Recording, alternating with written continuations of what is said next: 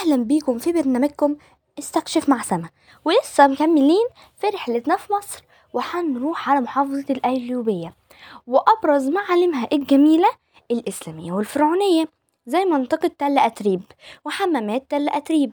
وهي مكان أثري كبير اللي بيرجع تاريخه للأسرة الرابعة وهي أسرة الملك سنفرو وهي مدينة بنها حاليا. وهي برضو من ضمن الأماكن الأثرية اللي هي موجودة في الجزء الغربي من أتريب القديمة وهي اختفت مبقاش منها إلا أجزاء صغيرة وهي عبارة عن حتت صغيرة من المدينة على شكل تل واكتشفوا فيها كمان من الناحية الشرقية وأهم أماكنها اللي جوه المدينة نفسها حمامات أتريب وهي ما كانتش حمامات الفراعنة بيستحموا فيها وبس لأ كمان دي كانت مكان لتجمعات الأهالي وقت الظهر واتبنت من تلات حاجات أو تلات طبقات زي الجير والرمل والطوب الأحمر. أهم مكوناتها الحمام إنه كان في صالة الاستقبال وفي الخلف ملابس وصالة الألعاب وكانت فيها مواسير المياه السخنة والساقعة.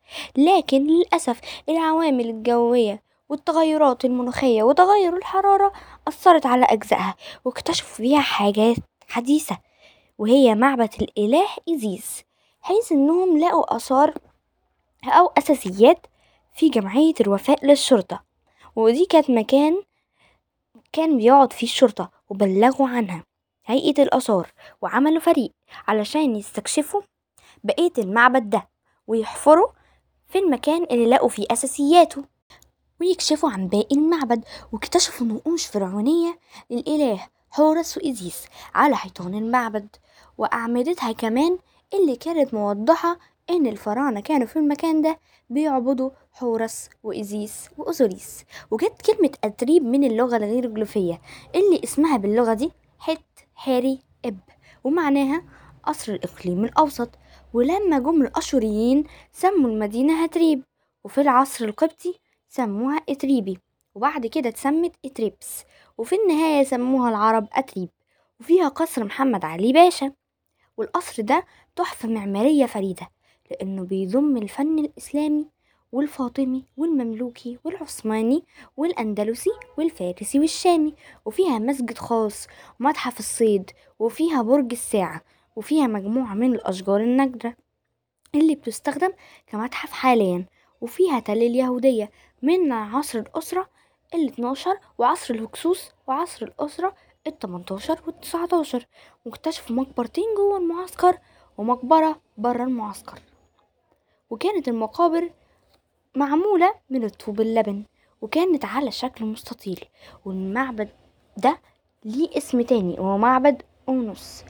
وجت مقبرة الصخرية من العصر البطالمي وفيها العرب العلاقيات وكان اسمها جبل الصخر واتسمت بالاسم ده بسبب انفجار شركة بالصخور واستخرج منها البلاست. والصخور دي وقعت في عيون مية فارتفع منسوب المية وبقت بحيرة كبيرة. فالأهالي استغلوا المكان ده علشان يعملوا فرصة عمل للشباب وفيها كمان القناطر الخيرية لمحمد علي باشا وهي منطقة اللي بتترفع فيها النيل. نهر النيل وبتتميز بحدائقها ومنتزهاتها وهي كمان واحدة من أهم معالم القليوبية لكن للأسف ضغط المية كان هيدمرها وهنا اتدخل خديوي إسماعيل وجاب مهندسين ومنهم اللي في المرد بهجت باشا ومظهر ماشا ومنهم اللي برا البلد زي المستر فلور الإنجليزي وتصلحت المشكلة دي بعديها ونروح على محافظة جديدة اسمها محافظة قنا ومشهورة بمعالمها السياحية. وأولها معبد الدندرة وهو معبد الرئيسي لعبادة الإله حتحور والإله إزيس. وجنبه البحيرة المقدسة وكانوا مسمينها المصريين القدماء لونت وهي عاصمة الدولة الستة في العصر القبلي. وبيبعد عن الأقصر ستين كيلو متر وفيها كمان معبد قوس وهو على الضفة الشرقية لنهر النيل وفيها معبد بطلمي اتعمل على أنقاضه معبد مصري قديم وأهم الآلهة اتعبدت فيه زي إله ست إله إمبوس وفيها آثار نجا حمادي الموجودة من في شمال غرب قنا وبتضم المنطقة الأثرية دي كتير آثار كتير. زي قصر الأمير يوسف كمال ودير الأنبا بلمون وقرية الحمردوم وقرية نجع حمادي قناطر نجع حمادي ومغارة جبل طارف ومنطقة الكرنك وأشهر المساجد فيها مسجد عبد الرحيم القناوي وهو أحد الأقطاب تصويف في المغرب. وجه قنا ويرجع المسجد للسيد عبد الحليم المحلق واتبنى في النص الأول من القرن العشرين ومسجد العمرة وهو مسجد موجود في مدينة القوس وهو أشهر الآثار الإسلامية في المدينة اللي بناه طلائع ابن رزق الفاطمي وكان اللي على مدينة القوس من القطع الأثرية زي المنبر وكرسي المصحف وهما مصنوعين من الخشب المحفور والبارز وهما كمان من الحشوات المجمعة اللي ظهرت في العصر الفاطمي. وتعتبر أقدم تلت منابر في العالم. وهو الدير الرئيسي للملائكة ميخائيل. حوالين الدير ده مقابر مسيحيين وكان زمان أقدم دير للآباء والراهبين لأن اتبنى في القرن الرابع الميلادي وفيه دير الكاستين الأولى. رئيس الملائكة وفيها تلات مذابح وفي التانية العذراء وفي الرابعة دير الصليب ودير شندودة. وهو دير الوحيد اللي اتسمى الصليب. وده تاني كنيسة في العالم بعد كنيسة أورشليم في القدس. وكان فيها أربع كنائس. الأولى اسمها كنيسة الصليب واتهدمت. والتانية كنيسة العذراء. والتالتة كنيسة القديس أميرتيس. والرابعة الأنبا شندودة ونروح على محافظة البحر الأحمر وعاصمتها الغردقة وأهم معالمها دير الأنبا أنطونيوس وهو أقدم دير في العالم.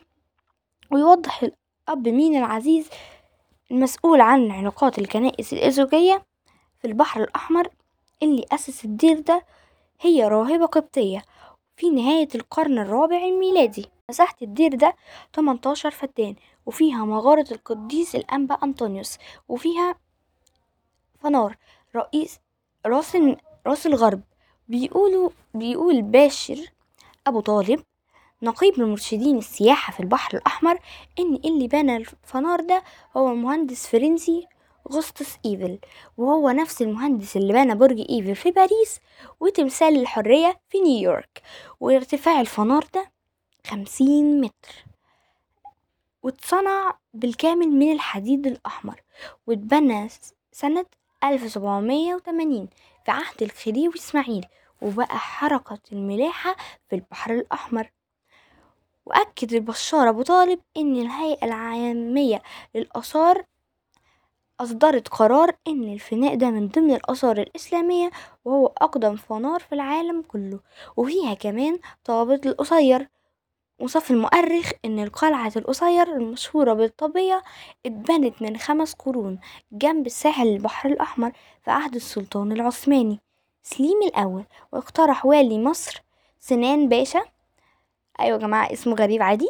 وعقد سنين قعد سنين كتيرة قوي علشان يتبني ده بهدف إنهم يمسكوا الحرامية وقطاع وقطاع الطرق اللي ويأمنوا القوافل بتاعة الحجاج اللي جاية من نهر النيل لميناء القصير القديم وضاف المؤرخ إن القلعة دي بتحتوي على كمية كبيرة من المدافع على أسوارها وفي مدخلها وكمان هي مشددة من فوق الهضبة المرتفعة اللي مصنوعة من من الجير وهي دلوقتي بتستخدم في الدفاع عن مصر والعدو اللي جاي بالسفينة البحرية. جنوب البحر الأحمر بحيث إن فوقيها أربع أبراج مراقبة وحيطانها عريضة جدا جدا وهي مبنية من الحجر الجيني وبتنظم شركات السياحة لرحلات يومية لهناك. وبكده نكون خلصنا حلقتنا وأنا كده مستنية آرائكم واستفساراتكم وتعليقاتكم الجميلة. وشكرا إنكم سمعتوا الحلقة للآخر. وسلام!